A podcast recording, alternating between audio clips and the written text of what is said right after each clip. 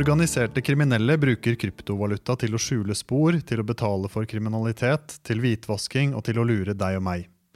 Kripos har jobba med å utvikle metoder for å knekke kryptovaluta siden 2014. Velkommen til dere, politioverbetjent Eirik Snegen og politiadvokat Knut Jostein Setnan. Vi begynner med deg, Eirik. Eh, du er kanskje den i norsk politi som har mest erfaring og størst kunnskap om kriminelles bruk av kryptovaluta. Og det hele starta i 2014. Kan ikke du fortelle litt om den første saken Kripos jobba med, der kryptovaluta var sentralt i etterforskningen? Den første kryptovalutaetterforskninga vi hadde her på Kripos, eh, var en operasjon vi kalte for eh, OP Marco Polo, som spiller på eh, Silkeveien og en markedsplass som ble kalt for Silk Road Marketplace. Som var en markedsplass for kjøp og salg av narkotika og andre ulovlige varer. Eh, kryptovaluta, eller bitcoins, da, det, det, ble lansert i 2008 og ble først tatt i bruk i 2009. Og frem til eh, Silk Road Marketplace ble starta i 2011, så var, var kryptovaluta bare en kuriositet. Um, det er eksempler på at, uh, at, en person kjøpte en pizza for 10 000 bitcoins i mai 2010, uh, som tilsvarer kanskje en verdi på flere milliarder i dag. Men utover det så var ikke kryptovaluta særlig brukt til noe eh, spesielt.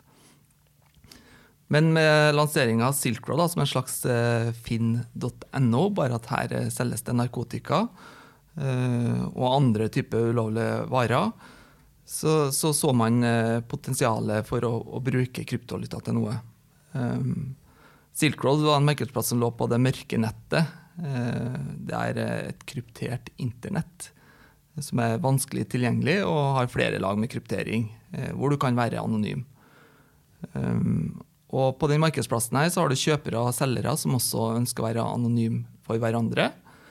Det bygger gjerne tillit ved at de, de reiter hverandre i en handel, men utover det så vet de ikke hvem, hvem hverandre er. Um, og det her kryptovaluta kom inn som et anvendelig betalingsmiddel. da for det ble oppfatta som et anonymt betalingsmiddel som kunne brukes til å fortsatt holde anonymiteten til kjøper og selger. Det viste seg etter hvert at uh, kryptovaluta, eller bitcoins, da, ikke var så anonymt som brukerne trodde den gangen. Og det medførte at eh, FBI klarte å, å, stenge ned markedsplassen i slutten av 2013.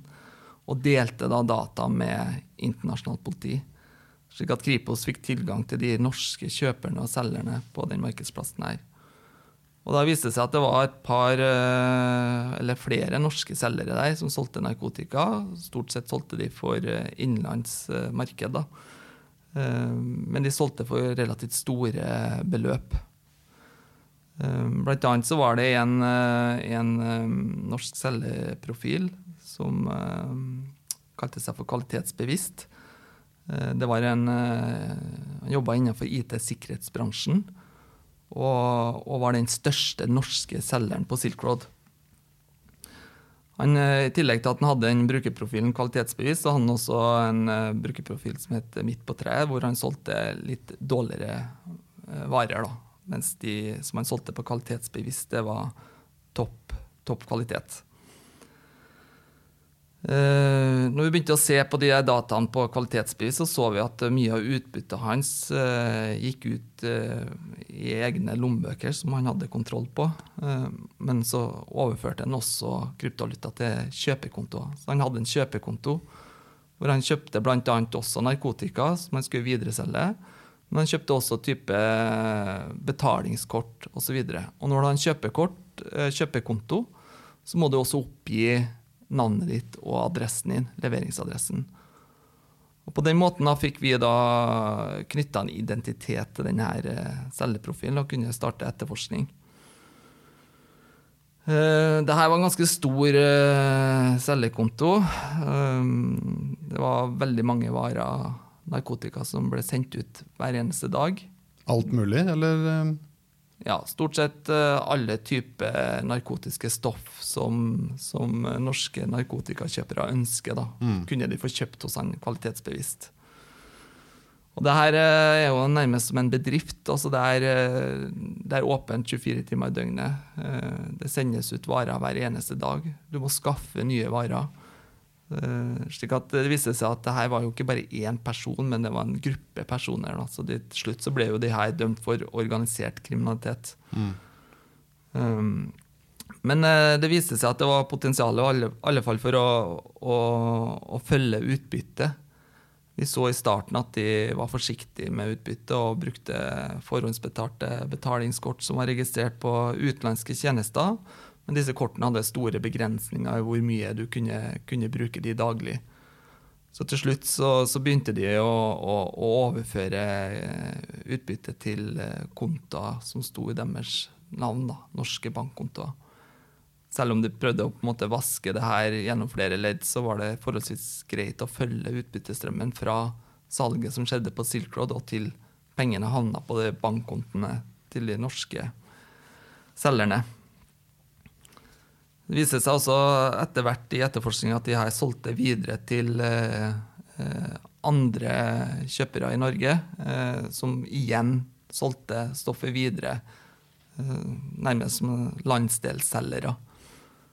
Slik at det ble flere, flere etterforskninger som ble starta i etterkant av den saken vi starta her på Kripos. Lokale etterforskninger i distriktene.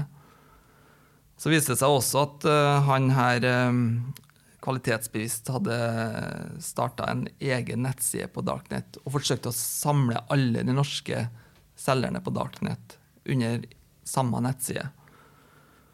Og når vi starta etterforskning og hadde ransaking der eh, hjemme hos den, så så vi navnet på, på, andre norske selgere som gjorde at vi måtte utvide saken og ta eh, bl.a. en selger som heter Alfa Omega.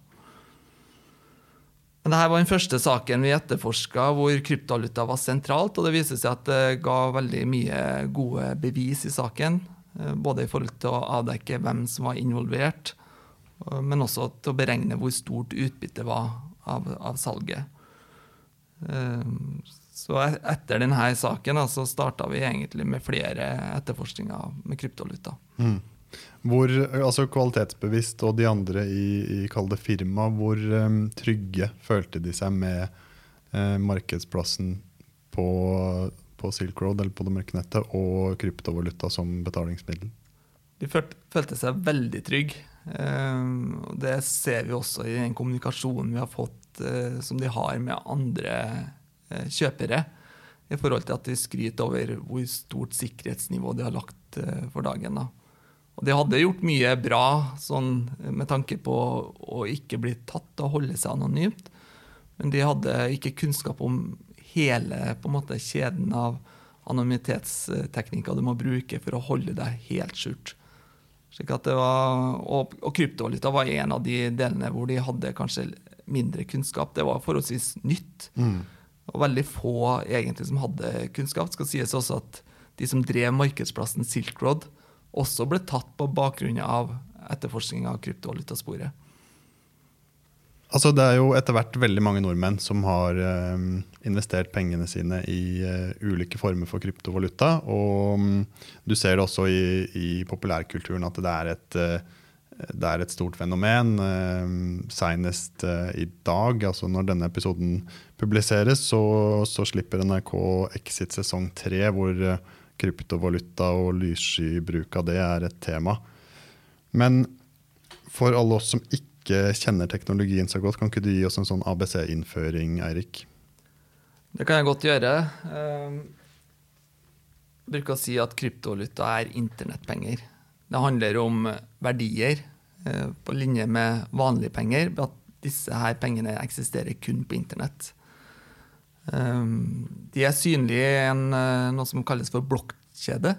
Um, og på den blokkjeden så har du en uh, regnskapsbok som vi kaller for ledger. Den inneholder alle transaksjoner som skjer med kryptovaluta. Uh, både historisk og, og, i nåtid. Og den her er fullstendig åpen, offentlig, og alle kan ha en kopi av denne regnskapsboka. Eh, men for å kunne bruke kryptovaluta, så må du ha en nøkkel. Så kryptovaluta er egentlig et eh, kryptografisk nøkkelpar, hvor den ene nøkkelen kaller vi den offentlige nøkkelen. Det er den som er synlig på blokkjeden, og det er den du må dele med andre hvis du ønsker å motta kryptovaluta. Så vi bruker når vi forklarer oss om det her i andre sammenhenger for folk som ikke er så innvidd det, så sammenligner jeg en kryptovalutaadresse som et bankkontonummer. Eh, så denne eh, offentlige nøkkelen, eller bitcoins-adressen, den ligger synlig på, på blokkjeden. Men for å kunne overføre midler fra en adresse til en annen adresse, så må du ha den andre nøkkelen som vi kaller privatnøkkelen. Den gir deg da rett til å flytte midler fra én adresse til en annen adresse. Og Vi sammenligner gjerne den med bank-ID. Og det er den du på en måte må passe på og ikke dele med andre. Um, Hvis du mister den, så mister du pengene dine? Ja, det gjør det. For vi har et uttrykk innenfor kryptovaluta som heter for 'not your keys, not your crypto'. Så du må kontrollere denne nøkkelen, privatnøkkelen for å kunne si at det er du som eier denne kryptovalutaen som er synlig på blokkjeden. En annen eh, kjennetegn ved kryptovaluta er jo at det er fullstendig desentralisert. I motsetning til vanlige penger, da.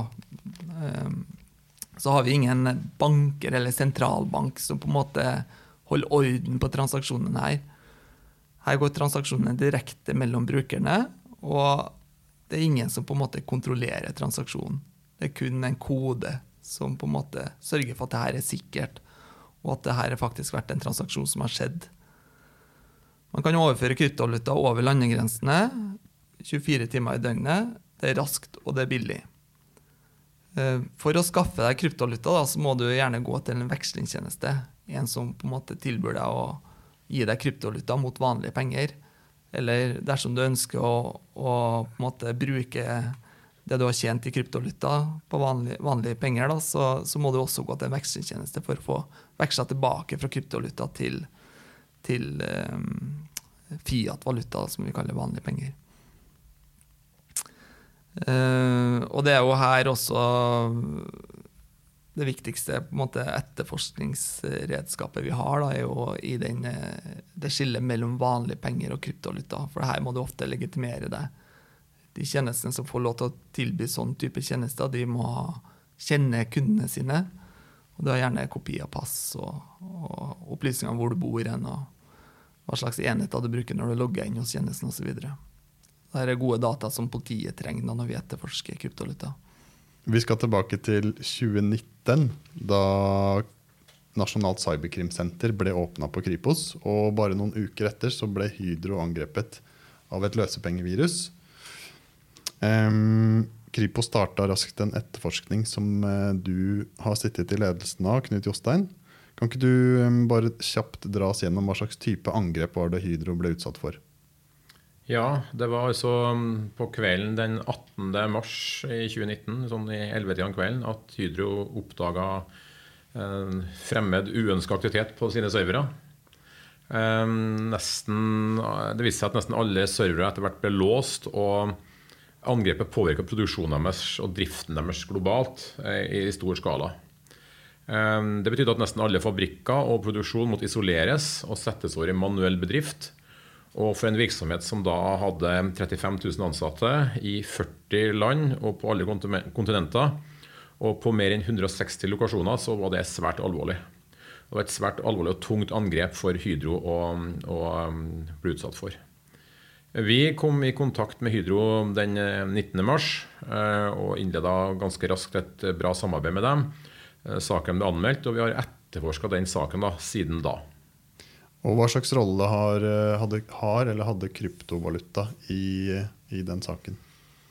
Ja, altså Det var jo et løsepengevirus som, som Hydro ble utsatt for. Det betyr at Eh, når serverne var låst ned, så retta de kriminelle et løsepengekrav eh, mot Hydro. Og da ønska de at det skulle betales i kryptovaluta. Eh, Hydro, Det er viktig å påpeke da, at Hydro har aldri betalt noen løsepenger i denne saken. her. Men disse kriminelle de drev jo hadde mange andre saker òg. Og vi har jo sett da gjennom etterforskninga at at eh, kryptovaluta har blitt benytta som betalingsmiddel eh, fra de kriminelle som har gjort disse handlingene. Eh, for kriminelle tjenester, altså valuta mellom de kriminelle, eh, og for kjøp av kriminelle tjenester, crime as a service-tjenester. Eh, I andre saker så er det blitt benytta eh, som, som, betalingsmiddel for løsepenger. Um, og så har vi også sett at uh, til slutt da, så har de jo behov for og som Erik var inne på, for å få ut pengene i normale penger. Um, og de må veksle dem da til ordinære valuta, ofte i store kontantsummer, som utbetales f.eks. på gata eh, i de landene de kriminelle holdt til. I vår sak så endte vi opp med at svært mange av dem eh, var utgangspunktet i Ukraina. Og det er ganske, snakk om ganske store beløp? Ja, det er enorme beløp eh, som er omsetning blant de kriminelle på det der. Og Det ligger jo litt i navnet, men hva er det som appellerer sånn blant de kriminelle med nettopp kryptovaluta? Ja, altså er en, altså, eh, kryptovaluta er jo en, en, valuta som eh, er basert på kryptografi, eh, og som gjør det vanskelig for, for, andre å få innsikt i det. Og Det muliggjør delvis skjult overføring av store beløp på tvers av landegrensene. Og som regel da med veldig lave gebyrer, i motsetning til det ordinære bankvesenet, hvis vi sammenligner med det. Altså Transaksjonene skjer da uten en tredjepart, sånn som f.eks. En, en bank. da. Når det er sagt, så, så um, har det jo også vært et bra sporsted da, for politiet etter hvert, når vi fikk litt oversikt over de transaksjonene. Uh, fordi at Vi kan komme tilbake til litt senere, men noe av utfordringa for kriminelle med de transaksjonene, det er at man alltid har en historikk på dem. For å fortsette med deg der, Eirik. I store etterforskninger, enten det er mot eh, organiserte miljøer som driver narkotikaomsetning, eller det er eh, hvitsnippkriminelle, så handler jo mye av etterforskningen om å følge pengene. Og hvordan, eh, hvordan fungerer det når det er snakk om, om, kryptovaluta?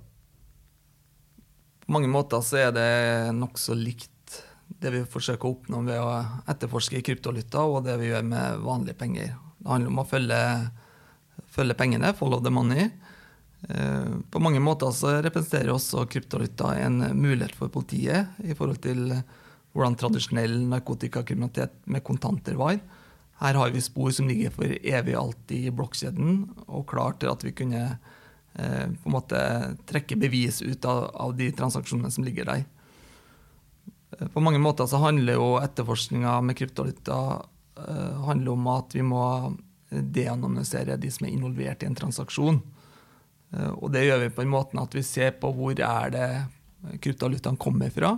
Vi prøver å finne hvor de er kjøpt, eller hvor de har fått tak i de, og gå, gå til den plassen å få mer informasjon. Og Samme gjør vi med, med den betalinga, at vi følger utbyttet videre til det måte blir brukt til noe. Og Måten vi gjør det på, er jo at vi analyserer transaksjoner og bruker verktøy vi har verktøy som på en måte attribuerer blokkjeden, slik at vi vet f.eks. hvilke adresser, kryptovalutaadresser tjenester disponerer. Og Vi forsøker da å, å, å, følge pengene til de går til type sentraliserte eller, eller, desentraliserte tjenester som kan ha informasjon om kunden sin. Eh, type kan være kopi av ID-dokumenter. Og Det som er det fine med kryptovaluta, er at hvis du bare har en liten flik av, eh, av eh, det som har skjedd kriminelt, da, så kan man med analyseteknikker brette ut det store bildet. da. Så utgangspunktet Hvis du har én adresse etterforsker, så kan du ende opp med at du har flere hundre adresser som du kan knytte til samme brukeren. Eh, I forkant av 2014, eh, hvor mye, hvor mye, kjente du til kryptovaluta? Og hadde du liksom allerede da tenkt at her er det et potensial for politiet å, å hente spor? Jeg begynte i Kripos i 2014 og hadde da jobba i åtte år med økonomisk kriminalitet i Oslo politidistrikt. Og jeg tror det var litt på bakgrunn av det at jeg fikk jobben også på, på Kripos. Så jeg ble satt til å, til å etterforske økonomispor i en darknet-sak, eh, hvor da betalingsmiddelet var kryptolytta. Så det ble å starte fra bar bakke og på en måte lære seg fra, fra bunnen av. Så, det, så, jeg hadde ikke noe kjennskap til kryptolytta før denne saken. Nei. Eh, I hvilken type kriminalitet er det vi ser eh, kryptovaluta bli brukt?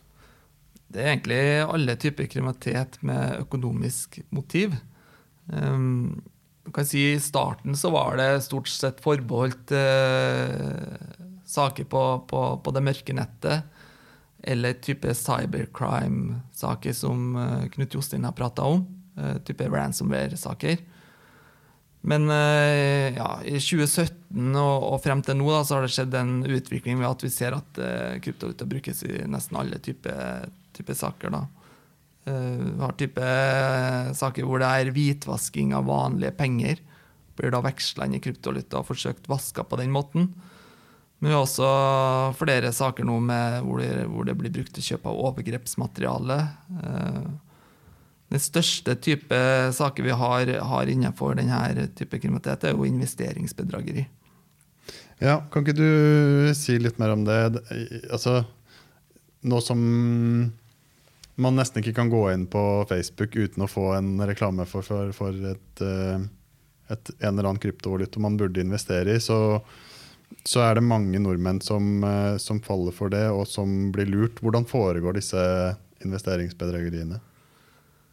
Ja, det, De har ganske generelle kjennetegn som er likt for de, de fleste sakene innenfor dette feltet. her. Eh, og Det starter gjerne med at du kommer i kontakt med en utenlandsk selger. En som skal på en måte få deg til å investere i kryptovaluta. Ofte er det du selv som tar kontakt.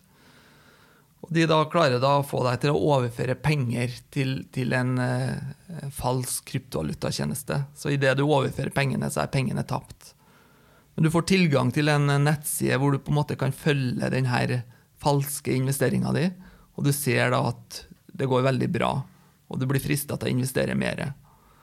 Så får du gjerne også muligheten til å ta ut et lite beløp bare for å se at det her fungerer. Og det medfører at du gjerne vil investere enda mer, og at du har fått økt tillit til denne investeringsplattformen du har gått inn på. Men når du på et eller annet tidspunkt ønsker å begynne å ta ut utbytte her, så forlanger da de her svindlerne at du må sette inn mer penger for å kunne ta ut pengene dine. Men det ender opp med at du ikke får tatt ut noen ting, og til slutt så innser du at du har blitt svindla. Og gjerne i ren desperasjon over å få tilbake midlene dine, så går de inn på Google og googler selskapet og, og eventuelt hjelp til å få tilbake midlene. Og så kommer de i kontakt med de samme svindlerne på nytt som skal forsøke å hjelpe deg å skaffe tapet ditt tilbake. Men da ender det opp med at du gjerne betaler de siste midlene dine, slik at du får svindleren er sikker på at du virkelig har tapt alt det du eier har. Det høres ut som en ganske sånn desperat situasjon å stå i. Eh, hva slags eh, råd kan du gi til um, folk, sånn at vi kan prøve å forebygge noe av dette? Jeg tenker at uh, som et minimum da, så bør man prøve å sette seg litt inn i hva kryptovaluta er, og hvordan du kan oppbevare kryptovaluta på egen hånd. Og Hvis du har lyst til å begynne å investere her, så kan du begynne i det små. Gjerne med noen små beløp, hvor du tester ut og gjøre noen transaksjoner. Se at du klarer å håndtere det her. Se at du klarer å oppbevare kryptovaluta. Og bruk gjerne eh, norske, godkjente vekslere første gangen du skal kjøpe kryptovaluta. Um, slik at du får litt sånn føling med, med, med, hvordan det her er. Og du kan sjekke på Finanstilsynet sine hjemmesider hvem er det som er godkjent norsk veksler. Og så kan du benytte en av de. Så det er lurt å styre unna annonser som du snakka om. Eh, Facebook-reklamer. Uh, type har man ofte sånn falske avisartikler. Det ser ut som det er VG eller Dagbladet som har skrevet om at Olav Thon har tjent seg søkkrik på kryptovaluta. Men sannheten er at Olav Thon aldri har kjøpt kryptovaluta. Så du må gjøre en eh, jobb sjøl først, før du kontakter andre som skal på en måte hjelpe deg. Da er du litt tryggere når du skal investere i kryptovaluta. Bra. Eh, påstand til deg, Knut Jostein. Um, kryptovaluta har gjort det enklere for eh, kriminelle å skjule sporene sine. Ja da, eh, vi kan være delvis enig i det. Eh, men det er jo ikke sånn at politiet er hjelpeløs, selv i, i saker med, med, kryptovaluta. Man har jo lyktes, og det viser jo etterforskninga både i Norge og en del andre land, at man lyktes med å spore og, og pågripe kriminelle, selv om de benytter kryptovaluta. Og uten å avsløre alle metodene våre, hva, hvordan går politiet fram for å identifisere Altså Eirik har vært litt innom det, men hvordan går man fram for å identifisere de kriminelle? Ja, Um, internasjonalt samarbeid er svært sentralt. Uh, og Det er en steg-for-steg-prosess med innsamling av informasjon og analyse av den informasjonen. Uh, det benyttes også masse tekniske hjelpemidler og bruk av skjulte etterforskningsmetoder når vi har mulighet til det, uh, for å etterforske sånne saker. Da f.eks. hemmelige ransakinger og dataavlesning. Men altså, også de etterforskningsmetodene utføres jo i samarbeid med andre land. Nettopp fordi at de, de datakriminelle i svært liten grad holder til i Norge. Vi har masse offer. Men for å få gjennomført etterforskningsmetoder imot de kriminelle, så må vi samarbeide med politiet i de landene hvor de holder til eller har virksomhet. Um, I saken med Hydro så har vi samarbeida i en såkalt JIT. Det er jo et Joint Investigation Team. og Det er basert på en fast forhandla avtale som landene baserer et samarbeid på, um, i regi av Eurojust uh, i Haag. Eh, og På den måten kan landene utfylle hverandre og dra veksler på sin spisskompetanse. Eh, de kan dele informasjon og gi tilgang på informasjon som de har sikra, og ikke minst eh, benytte og hjelpe hverandre med de tekniske hjelpemidlene som de ulike landene disponerer. Um, jeg husker da vi hadde en pressekonferanse i forbindelse med Hydro-saken. Så var det en av journalistene som um, spurte deg hvorfor vi i det hele tatt eh, setter i gang når sjansen for å finne de bakmennene er så lav. da. Hva, hvordan tenker du på det nå i ettertid? Nei, det er Vi jo litt glad for at vi har lyktes. da. Um, uten å gå i detalj på det, så er det jo stor sjanse for at det blir en hovedforhandling eh, mot eh, en del av de bakmenn som er aktuelle i, i denne saken, uh, men ikke Norge. Um, og det som, var, altså, som mange sa var umulig, og vi visst faktisk er mulig. Og de kriminelle skal ikke uh, føle seg trygge for at de ikke skal bli tatt. Uh, og Det handler om det som jeg var inne på i stad. Altså innhenting av store mengder data, internasjonalt samarbeid og analyse av den. For det er jo sånn at det som oppfattes som trygg teknologi for de kriminelle i dag, på bakgrunn av teknologisk utvikling, eh, funn av informasjon, spor, tilgang til servere som, eh, som de, de kriminelle utgangspunktet tror skal være som klarer å beholde skjult i lang tid, gjør at man kan analysere de krypterte dataene også i, i morgen, f.eks. Sånn at eh, Teknologien eh, hjelper også politiet eh, med å kunne analysere gamle data som, som ikke er like trygge i dag. Du nevnte det så vidt i stad, men dette med å, å bestille kriminalitet eh, med bruk av kryptovaluta, altså på fagspråket 'crime as a service', eh, kan ikke du fortelle litt mer om, um, om hva det er for noe? Ja, Det handler også om at de kriminelle har skjønt at man trenger spesielle kunnskaper for å utføre de ulike trinnene i en si, datakriminell kjede. Uh, og Da er det enklere for dem om at det er noen som jobber kun med én ting, uh, og er eksperter på det. Uh, for, å få, for, å få, tilgang til ekspertens tjenester, så må man betale for det. og Da er kryptovaluta en foretrukken valuta. og jeg, skal ikke være påståelig, men jeg tror nok at den eneste valutaen som benyttes nå i dag. Eh, men også brukes det til å betale f.eks. For, eh, for, for serverleie eh, i, i datasenter rundt omkring i, i, verden.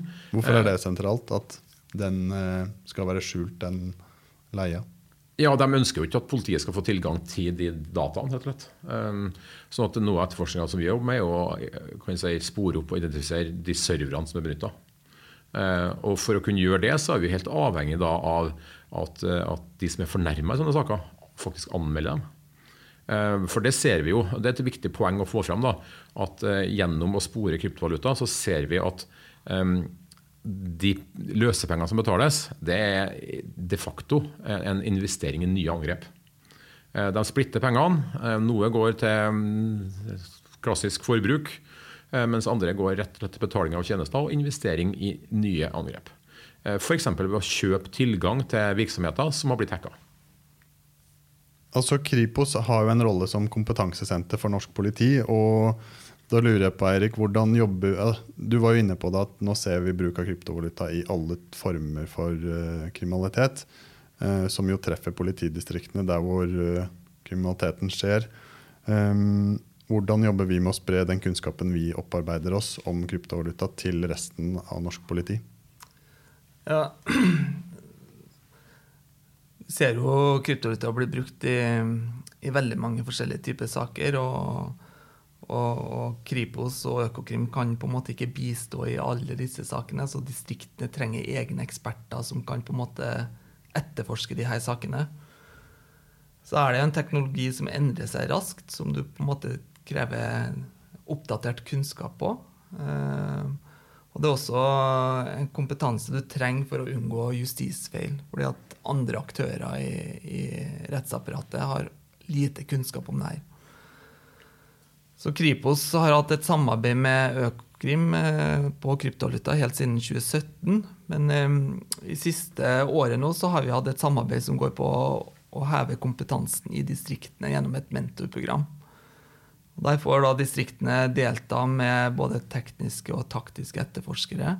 Får tilgang til eh, grundig opplæring, men først og fremst så får de oppfølging i sakene de jobber i. Slik at de som deltar i, i det her mentorprogrammet, de, de, får da satt av tid til å jobbe og fordype seg i fagfeltet. Så Foreløpig så har vi utdanna eksperter i de fire største politidistriktene i Norge, og vi jobber nå med å få fire nye distrikt under opplæring. Og det her mentorprogrammet har vært en veldig stor suksess. og, og blant annet så har alle distriktene som har deltatt her, klart å gjennomføre beslag av kryptovaluta. Det er beslaglagt kryptovaluta fra kriminelle for mange millioner. Bl.a. i den type investeringsbedragerisakene som vi snakka om i stad. har vi klart å, eller Distriktene klart å spore utbytte og tatt beslag og tilbakeført det til offeret så er det ikke så mye sånn formell utdanning på kryptovaluta foreløpig, men vi jobber også med å få kryptovaluta som en egen modul inn på Politihøgskolen. Og så forsøker vi å ha relevant informasjon om etterforskningsmetoder, fremgangsmåter for å etterforske kryptovaluta på, på plattformer som, som er tilgjengelige for politifolk. Og hvis vi sånn avslutningsvis skal forsøke å se litt inn i framtida, hva, hva, slags refleksjon gjør dere dere over hvordan kryptovaluta kommer til å utvikle seg sånn innenfor kriminalitet, da, som er vårt fagfelt? Jeg tror at uh, kryptovaluta har kommet for å bli. Uh, så det er noe vi kommer til å se i, i fremtida òg. Men jeg tror også at det er noe som uh, myndighetsnivå må ta tak i i forhold til regulering. Eh, og til, tilrettelegge for økt eh, internasjonalt politisamarbeid på. Fordi at eh, det er såpass store verdier som på en måte flyttes over landegrensene, og, og statene trenger på en måte mer kontroll over denne flyten. Så jeg tror vi vil se mer regulering av kryptovaluta i fremtida. Ja, jeg støtter jo absolutt det Erik sier der. Eh, og så er det tror jeg, et viktig poeng da, at eh, statene har behov for det, eh, kontroll på det. Nettopp fordi at altså, all inntekt i form av kryptovaluta er også skattepliktig. Og vil utgjøre en sånn fiskal interesse for staten å ha kontroll på. Og det å tro at det skal gå over, det tror jeg vi bare må legge bort med en gang. Det er akseptert som valuta av veldig mange. Det er verdier som flytter eiere, og da vil staten også ha en interesse i det f.eks. som skatteobjekt. Bra. Takk for at dere delte deres eh, kunnskap. Du har hørt en episode av Med Kripos på jobb. Denne podkasten produseres av kommunikasjonsstaben i Kripos. Mitt navn er Aksel Due.